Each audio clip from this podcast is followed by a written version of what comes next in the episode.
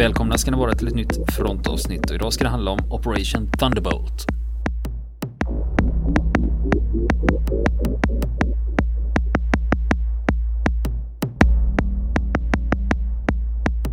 Ja, du, Räden i Entebbe alltså. Ja, Operation Thunderbolt. Visst låter det dramatiskt? Ja, låter maffigt. Eh, eller hur? Det är ju ja, viktigt att välja bra namn till sina operationer. Ja. För en del kan ju tycka är väldigt tama. Just det. Precis. Det mm. finns ju sådana där man tänker att ja, det borde de tänkt på för historieböckerna. Där, att det måste låta det häftigt då. Vi hade ju den när vi pratade ja. om eh, Somalia då, 93, mm. Black Hawk Down. Den heter ja. Operation Gothic Serpent. Ja. Låter inte det? Gotisk orm. Det finns, man kan ju välja och sen ja. eh, Lone Survivor, den heter ju Operation Red Wings eh, mm. efter ett eh, hockeylag då. Just det. Så man kan ju välja. Ja. Och så Barbarossa, rödskägg. Ja, just det. Det är, som man, eh, det är mm. viktigt eh, att tänka på det, vad som går till historien. Precis, precis. Ja. Ja, nu ska vi prata med. Ja. Vi kanske ska ta det i stora drag. Eh. Det är ju så här att det här handlar om en kommandoräd som genomförs av israeliska kommandosoldater. När det handlar om att frita eh, israelisk gisslan. Mm. I Uganda av alla ställen. Ja. Väldigt spektakulär operation. Ja, som har gått i historien. Ja, verkligen. Och ni kommer att förstå det när, när ni får höra mer om den. För många av er har hört talas om den. Eh, på ett eller annat sätt och liksom kanske sett någon dokumentär om den eller läst någon artikel om det. Men nästa år kommer det en eh, spelfilm eh, mm. om den här. Och den mm. ställer jag ganska höga förhoppningar på faktiskt. Och jag ska mm. förklara varför. Men vi ska, vi ska ta oss tillbaka i historien då så kommer vi till 1976. Eh, och det här är 27 juni 1976. Eh, då är det flight 139 från Air France. Mm. Och det här planet då som ska från Tel Aviv till Paris, det mellanlandar i Aten. Och i Aten har man vid det här tillfället ganska kass säkerhet. Metalldetektorerna är avstängda, man har liksom ingen säkerhetskontroll av de som kliver ombord. Och det kliver på ytterligare 56 passagerare mm. i Aten. Och så ska man då flytt, uh, fortsätta upp till Paris då. Och två minuter efter att de lyft från Aten, då, då, då reser sig tre män och en kvinna. Och de har vapen och granater med sig. Och de meddelar att planet är kapat och den här piloten, han heter Michel Bacchus, han råkar ut för den första kapningen i flygbolagets historia. Air France mm. har aldrig varit utsatta för det här förut då. Mm. Och det här 1976, det här är ju ändå flygkapningarnas guldålder. Ja. Och, och, vi har flera eh, farliga terrororganisationer i både Mellanöstern och Europa vid den här tidpunkten. Så när vi snackar terrorhotnivå i Europa, så då var det fan allvar. Eh, mm. Men när man pratar om terror idag så känns det som att det, är ingen som kommer ihåg det här eller minns. Nej, precis. det, är liksom, det är lite här, så. Vad fan, är det ingen som kommer ihåg hur det var på 70-talet liksom? Ja. För, eh, ja. för vi hade eh, ifrån Hur mycket som helst. Från Palestinien, de hade Svarta September och eh, mm. PFLP. Mm. Och, och, med flera grupperingar. Va? Det var ja, inte bara visst. dem. Va? Utan ja, det var fler. Och I Tyskland hade vi Rote Armee-fraktion. Ja, eller som de hette i Sverige, Baader-Meinhof-ligan. Ja. Eh, och sen eh, Irland hade vi IRA. Italien, Röda brigaderna. I Spanien hade vi ETA. ETA. Så att det var liksom... Eh, Exakt, det var hur mycket som helst. Och det hände ju grejer hela tiden. Och det som var intressant med några av de här terrornätverken eller terrorgrupperna, de samverkade ju också. Mm. Och åkte på gemensamma träningsläger i Libyen och sådana grejer. Just så att, eh, Rota arméfraktion var ju samtränade med palestinierna och, eh, ja. och eh, fick ju även lite logistik, logistisk hjälp från andra sidan järnridån. Ja. Så det, fann, det fanns ju också ett intresse från andra ja. betydande stormakter ja, som hade precis. ett intresse av att understödja och underblåsa den här ja. typen av stats, oro och, av den här typen av, äh, äh, statsterrorism. Vad kallar de det? Ja, den typen av ter terrorism i alla fall. Statsterrorism det är ju vad en stat som det sysslar stad, med. Jag tänkte stadsterrorism. Ja, just det. Stadsgeriller fanns ju. Ja, mm. det är ett bra ord. Ja, ja. det det. Det fanns ju en sån i Grekland men den kommer jag inte ihåg vad den heter. Just det. Mm. Men, eh, men, men det, du, har, du har ju rätt i det här att det var andra länder ibland som ja. Eh, var insyltade där, till exempel Syrien, Libyen och även mm. då Sovjetunionen som du nämner. Och ofta var det att de tänkte att vi har någonting att tjäna på om mm. vi stödjer de här grupperingarna. Just det. Och det som vi är inne på det där med samverkan, för i det här fallet 1976, Då var det en utbrytargrupp från PFLP, alltså Popular Front for the Liberation of Palestine. Mm. Förkortningas, förkortas PFLP. Och det var, men här var det Folkfronten för Palestinas befrielse som stod för kapningen. Men PFLP själva, de hade ju också haft en historia med flygkapningar bakom sig. Och deras stora affischnamn, det var Laila Khaled och Carlos, alltså Just. Schakalen. Mm. Eh, han heter ju en känd, Jaha, känd Ramirez. Ilyich Ramirez Sanchez. Han kom Aha. från Venezuela. Och han fick täcknamnet Carlos eftersom han är sydamerikan. Det. Eh, men det var en reporter från The Guardian som kläckte namnet Schakalen eftersom boken av Frederick Forsyth, det finns en bok som heter Schakalen av Frederick Forsyth, det handlar om ett mordförsök på president de Gaulle. Den ja. stod i bokhyllan hos Carlos ex-flickvän när reporten var där för att intervjua henne. Mm. Och då gissade han bara, ah, fan det är ju Carlos som har glömt kvar boken. Ja. Han gillar Fredrik Forsyth Schakalen så därför så kallar The Guardian honom Schakalen. Och, och sen, sen fastnar det va. Det. Så det, har, det är därifrån eh, det här med schakalen kommer. Det är inget han själv har hittat på. Va? Och eh, Carlos, eh, det, det namnet, det var hans mm. rekryterare mm. i PFLP som kommit på det. Mm. För, för Sanchez själv. Mm. Han vill inte heta Carlos. Han vill heta Johnny. Johnny. Here's Johnny. Han ville ha, han ville ha tecknamnet Johnny så fick det bli Carlos då. För han var sydamerikan. Det är, liksom, ja, ja. Ja. det är ju B. Lite. Ja, precis. Vara. Och det lite, kan vara lite rörigt med de här palestinska grupperingarna ibland. För de är, ibland är de lite utbrytare och så är det olika fraktioner och de har olika intressen och hur, hur tätt knutna de är till varandra. Eh, jo, eh, men Ilyich Ramirez Sanchez, eh, namnet Ilyich, känner du igen det? Ja, ja visst. Ja. Eh, det är väl lite Lenin-influerat. Ja, jo det var nämligen så att eh, eh Sanchez farsa hade varit hardcore-kommunist. Mm. Så Carlos, han hade två bröder och de, den hette Vladimir, den andra hette Lenin och så den tredje fick heta Ilyich. så att, det är därifrån det namnet kommer då. Så det är inte, om man då tänker på, ja, ja, med den bakgrunden så kanske det inte är så konstigt om man Nej. hamnar där man hamnar. Men Carlos, han greps i Sudan 1994. Han sitter mm. nu med i franskt fängelse och han är dömd för 16 mord. Och eh, nu ska vi tillbaks till eh, Air France-planet då. Vad terroristerna där gör. De mm. placerar ut sprängladdningar och så samlar de in passen från eh, alla passagerare. Och det är 12 besättningsmän på flygplanet och det är 256 passagerare. Och radiokontakten från planet bryts. Och direkt i Tel Aviv, då premiärminister Rab Rabin är det vid det här tillfället. Det. Han får ett meddelande om att planet kraschat eller är kapat. De vet att vi har ingen kontakt med det, det har mm. hänt någonting. Och då drar de larmet. Och israelerna, redan nu börjar de planera för en inbrytning ifall eh, planet dyker upp. Just det. Eh, och, och, och, det här planet, det dyker upp. Och det dyker upp i Benghazi i Libyen. Och de får tanka men är tvingade att ge sig av igen. Och då är det en kvinna på planet, en passagerare, hon påstår att hon har fått missfall. På grund av det här. Hon blev så stressad så jag har fått missfall. Jag var gravid men jag har fått missfall. Så hon släpps av i Libyen. Och hon är engelska. Mm. Och eh, Scotland Yard blir väldigt, väldigt intresserade av henne och liksom mm. förhör henne. Och då får hon, då kan hon lämna info då till eh, Scotland Yard och mm. berätta vad, vad är det som har hänt på planet. För hon är ju det enda vittnet än så länge då. Och hon säger så här att det är, är två araber och två tyskar. Och då visar det sig att tyskarna det är Wilfried Böse och Brigitte Kuhlman från RAF. Mm. Det är Rote arméfraktion. Det är alltså två mm. tyska terrorister och två palestinska terrorister. Och eh, det här planet det får stå på plattan i sju timmar i Libyen mm. innan det lyfter. Och då flyger de söderut från Libyen. Och då hamnar de i Uganda. Eh, där basar Idi Amin. Ja. Hedersknyffel. ja, och han åker ut till flygplatsen Entebbe för att hälsa kaparna välkomna. Och eh, det lustiga är att Amin, mm. han hade varit pro-Israel fram till 1972. Då vägrar israelerna att sälja stridsflygplan till honom och då vänder han Israel ryggen och så stöttar han palestinierna istället. Mm. Och israelerna, de är ju lite stressade av det här med israelisk gisslan för de har ju München 72 bakom sig. Va? Just det.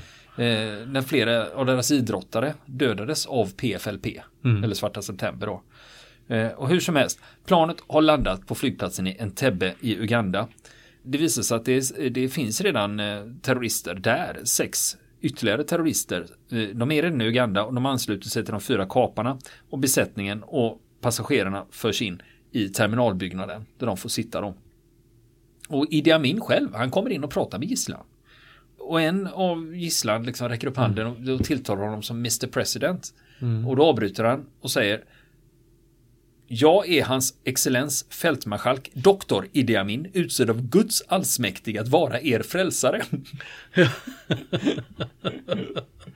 och, och eh, ja, vill Ja. ni veta mera om eh, Idi Amin och hans galenskaper så har vi The Last King of Scotland. är en Just film som handlar om det. och det, det. finns många exempel på eh, grejer som han hittar på. Va?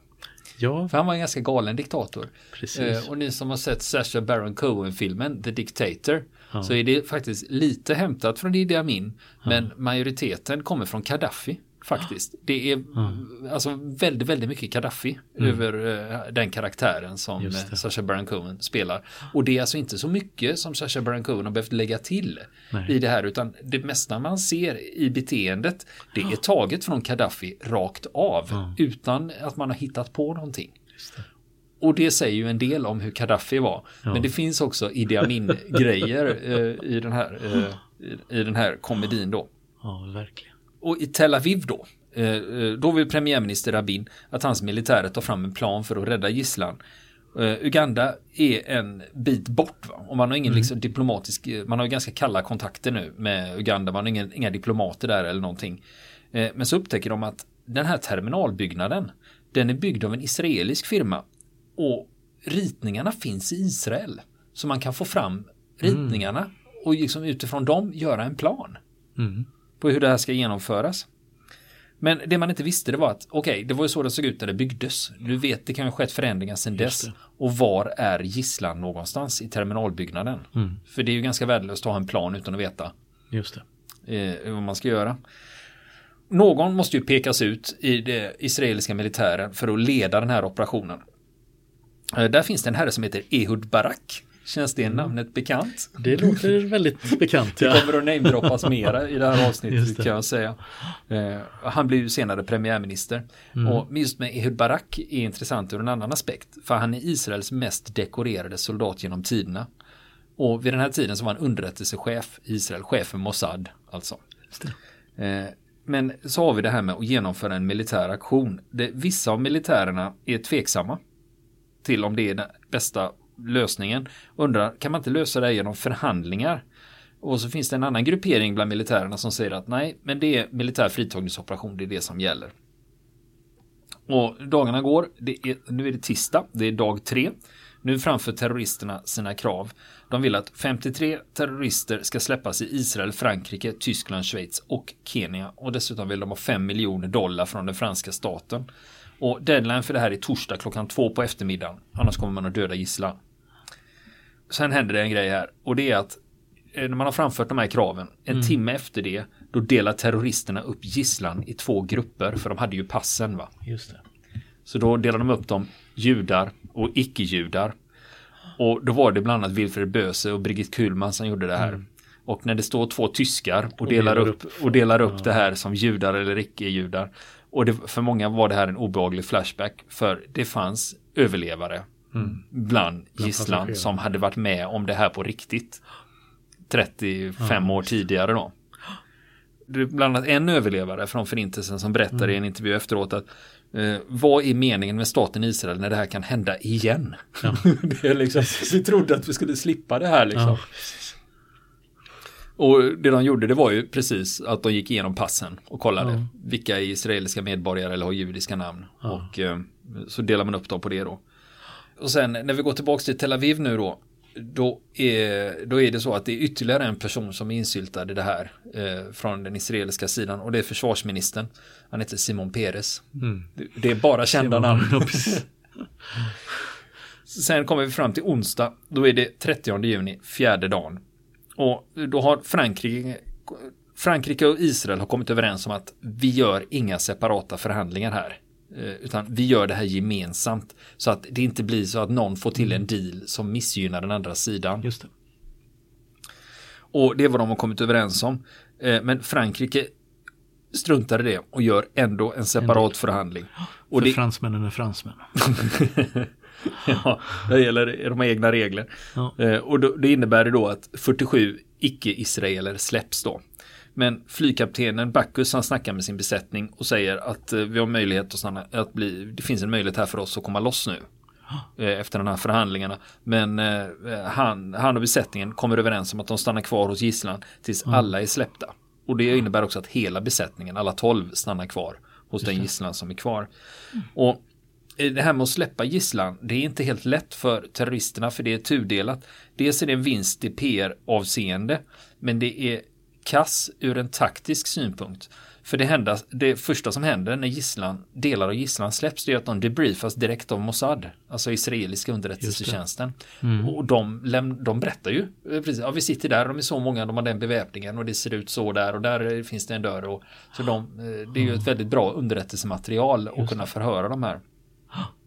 Och Mossad samlar in så mycket de kan. Och eh, Rabin i Tel Aviv, han har sagt att han kommer inte att godkänna en militär operation förrän de har tillräckligt med underrättelsematerial så att man inte åker in i blindo utan planen måste vara helt klar. Mm. Det är först då jag, jag, kommer att godkänna det här. Och det här gäller inte bara hur många terrorister finns det och vad har de för beväpning utan vad finns det för ugandiska styrkor på plats? Mm. För det finns ugandisk militär som är närvarande. Och det vet man ju inte heller. Det är också Nej. ett wildcard. Liksom. Vad, vad, kan vi räkna med för motstånd från dem? Vad kommer att hända när, om, om mm. vi skickar dit folk? Sen är det torsdag morgon, dagen därpå. Då släpps 101 personer ur gisslan. Och kvar finns besättningen och 107 judar. Mm. Och nu börjar planen ta form i Tel Aviv här och planen är att man ska skicka dit fyra Herculesplan. Och det finns en general här som är flygvapenchef, Benny Palad. Han var övertygad om att de skulle lyckas. Han var helt, det var, det var tänket där. Han var övertygad om att de skulle mm. lyckas. Och Perez, han blir presenterad för planen. Och eh, planen är då att första planet ska innehålla soldater. Och sen mm. har man med tre plan för att ta hand om gisslan. För det är ändå ganska, det är över hundra pers som ska mm. lastas på här. Och de, de tar ju plats. Va? Och det som de israeliska soldaterna, deras kommandostyrka då, de börjar öva inför det här anfallet och samtidigt så pågår det förhandlingar för att liksom förhala det här för att vinna tid. Och planen är ju hela tiden att överraska terroristerna. Men samtidigt så sker det också en diskussion med bland politikerna och den militära ledningen så här att mm, mm, jo, ponera nu att det blir förluster vad tycker vi är acceptabla förluster? Liksom, vad ska vi dra mm. gränsen? Hur många liv kan offras för att rädda mm. dem? För samtidigt vet de om att det här kan bli ett totalfiasko. Det här kan, kan bli ett blodbad. Till. Det kan vara att hela gisslan mm. dör och alla, om vi skickar dit israeliska soldater, det, det kan vara att alla, dö, alla blir dödade, det vet ju inte vi. Nej. Utan det är, ju, det är ju ett riskmoment här och då försöker mm. man liksom kalkylera här och se ja, vad, vad, vad kan vi räkna med liksom. Mm. Eh, och en annan sak är ju det här att eh, Eh, risken är också att eh, så fort man ser en israelisk soldat, det är att man börjar skjuta gisslan. Mm. Det, den möjligheten finns ju också. Just det. Och att innan man ens hinner fram så kanske hela gisslan är mördad. Mm. Utan att man har uppnått någonting. Då, då, det är ju sådana saker man är rädda för. Och eh, namnet på operationen bestäms också nu. Och det är att den ska heta Operation Thunderbolt. Är namnet på operationen då. Och så behöver man ha tag på piloter då. Och då tar man in piloter, israeliska flygvapenpiloter som är vana vid att flyga i Afrika. Som har en vana mm. av hur det är. Eh, men, eh, men så har vi ett annat problem. De vet ju inte om flygfältet kommer att vara nedsläckt eller inte. Just det. När de väl kommer dit. Kommer det att vara upptänt så vi kan landa eller är det beckmörkt? Det är ju lite skillnad. Mm. Så piloterna övar i Sinaiöknen och då hade de på den tiden, 1976 är det här, bildförstärkare hade de. Det. Eh, det. var ju ganska primitiva saker på den tiden och det var mm. inte alls så avancerat som det är idag.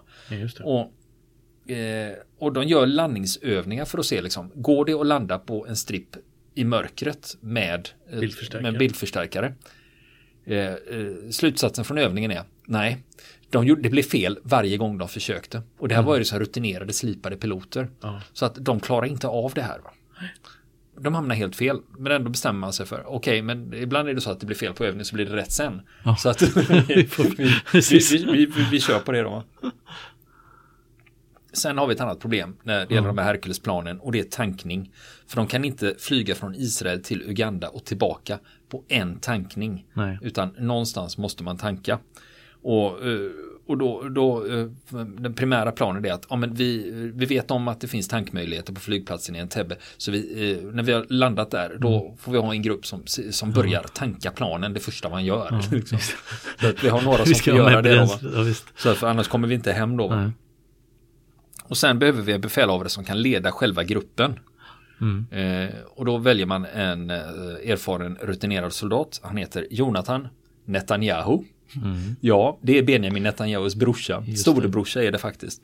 Eh, och nu är det så här med, med Jonathan, eller Jonny, som han mm. kallas, Joni, Y-O-N-I, mm. Jonny. Han, han hade blivit skadad under sexdagarskriget och hade en funktionsnedsättning, han var handikappad alltså.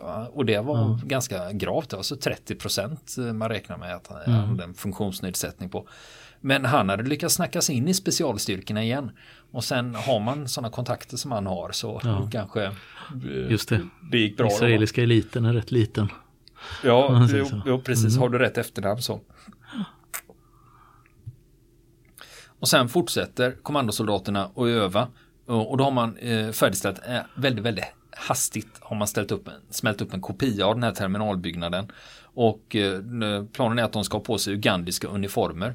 För, och så vet de om att ugandiska officerare, alltså mm. höga eh, dignitärer och potentater, mm. de använder svarta Mercedes limousiner. Och då är planen att ja, vi tar med oss en svart Mercedes limousin. Och så mm. med, med flaggor på så låtsas vi att vi är höjdare då. Va? Så vi kan liksom ta oss fram till terminalbyggnaden. Just det. Och eh, de planerar och planerar och planerar och fredag genomför man en generalrepetition för hur hela det här anfallet ska gå till när man fritar gisslan. Mm. Och den går inget bra. Men då tänker de så här att ja men det är inte ovanligt där att det går dåligt på övning och så går det bra sen då. Mm. Så då har vi egentligen två saker som man har övat på. Dels är det att landa i mörker ja. som inte har gått så jävla bra och sen då själva Fritagning. inbrytningen då, fritagningen Vilket har inte gått så lyckat. Så att, eh, men mm. okej. Okay, det går ju bra det här. För det finns en tidsfrist i det här. Mm. Och det är på söndag. Då löper en tidsfrist ut. Va? Så nu, man har ett litet fönster på sig att agera här då. Och så upptäcker man en sak här att på lördag då ska ett plan från British Airways landa på Entebbe och tanka. Mm. Och då tänker de så här, men vänta lite nu här. Om det ändå ska in ett plan från British Airways och landa där och det är planerat. Mm. Då kanske vi kan landa precis bakom det brittiska planet. Om vi är lite smarta. För att då ligger vi ju i deras radarskugga. Så när eh, de på flygplatsen ja. tittar på radarn och ser att ah, där är ett flygplan så ser de inte att det ligger fyra Hercules till bakom, bakom. det brittiska flygplanet. då, eh, och, och sen är det en annan grej att men om britterna kommer då och det är ju sent som fan, det är ju mörkt. Då ja. måste de ju ha landningsljusen påslagna för att det är brittiska planet. Ja, annars, annars hittar inte de. Så att då kan vi utnyttja det också. Just att de har, har landningsljusen tända då. Så då löser man ju två saker mm. genom det här då, genom att smyga efter britterna mm. då. Men då finns det också det här, för att då finns det ett klockslag när det brittiska planet ska landa. Eh, och då är det att för man ska kunna göra det så måste man lyfta ungefär vid tre tiden från Israel. Då hinner man. Mm. Annars så är det här fönstret stängt då. Och, men då har vi ett problem. För den här operationen den är fortfarande inte godkänd av regeringen. Nej. Det krävs ju ett regeringsgodkännande för att genomföra det här och det finns en, och, och tiden går va. Ja. Och man får inget godkännande från regeringen, de sitter i diskussioner. Och är inte överens va. Om ska man våga eller inte våga, hur ska vi göra, hur ska vi göra? Och, och liksom klockan närmar sig klockan tre på lördagen. Och Rabin, som han är premiärminister, och när klockan är kvart i tre på lördagen, då är fortfarande regeringen inte överens. Och, eh, och då, har, då, har man, då har flygvapnet sagt så här att ja, vi har räknat på det här och den absolut sista gränsen för att lyfta det är 15.30. Mm. Och då alltså antingen så gör vi det eller så gör vi det inte. Va? 15.30 måste planen upp. Mm. Mm. Ja, men då, då, säger man så här att okej, okay, men eh, planen kan lyfta 15.30 för det tar ändå sju timmar att flyga ner. Mm. Så att gör så här, lyft planen 15.30 och påbörja. Så för vi, vi kommer inte ha något, det finns inget beslut på att man ska genomföra operationen, men då kan du avbryta. Då har du ju fortfarande sju mm. timmar på dig att diskutera. Om du ska genomföra eller inte, för du kan ju ropa till planen och säga ja. att nej, operationen avbryts, nu vänder ni hem. Eller också får ni ett klartecken när ni är i luften. Mm. Och det är det man gör också. För 15.30 så lyfter fyra Herculesplan från Sharm el Sheikh. Och inte bara det, utan två Boeing 707 är med också. Ett för samband och ett för sjukvården. Mm nu är det så här, när man ska upp de här Herculesplanen i luften, de är grymt överlastade. Mm. För man har med sig eh, pansarskyttefordon också. Mm. Som förstärkning. Så det är inte bara Mercan och två mm. Land Rovers utan man har dessutom med sig pansarskyttefordon då som mm. förstärkning då. Sen, eh, så de, de, här planen är väldigt överlastade. Och ett problem här, det är att det är asvarmt i öknen. För det här är nere i Sharm el Sheikh då, det är mm. så långt söderut i Israel du kan Just komma. Det. det är också Precis. en poäng med det. Att då, det, det för, det för, då behöver man inte flyga, då kan man spara bränsle genom att starta så långt söderut i Israel som möjligt. Va? Så det finns en plan med det där. Och, och det här med Sharm el Sheikh då, va? Det, är, det är alltså asvarmt där. Det är 40 grader. Och när luft blir varm då expanderar den. Och då minskar tätheten och det blir mm. sämre lyftkraft för ett flygplan ju varmare det är. Så idealet är egentligen att det ska vara så kallt som möjligt. För då är mm. luft, luften tätare. Och det mm. gör att du får lättare lyftkraft. Och en av piloterna på uppdraget, han beskriver det som att det var som att starta med en motor borta. Fast med överlast. Och de fick pressa upp farten. Eh, de hade ju en startbana. Ja. Och de fick ju då starta längst bort så, långt de bara kunde utnyttja maximalt av de här startbanorna och pressa upp farten knop för knop och de satt liksom och räknade. Ja, en knop till, va? bara en knop till och så, så ska den ju upp i, i ja, hastighet då. Det finns ju en, en gräns då just när det. planet kan lyfta. Va? Så Precis. de räknar upp så knop för knop längs med ja. startbanan då tills man kommer upp till det här då. Ja. Och till slut så lyckas de då få upp det första planet i luften då. Va? Mm. Och, det, och det är precis att de klarar av det. Och nästa vecka fortsätter vi prata om räden i Entebbe. Vill ni komma i kontakt med oss så kan ni göra det via vår Facebook-sida som heter Fronten. Det är inga problem för er att leta er fram där. Eller också så mejlar ni på vår mejladress och det är frontenpodcast.gmail.com.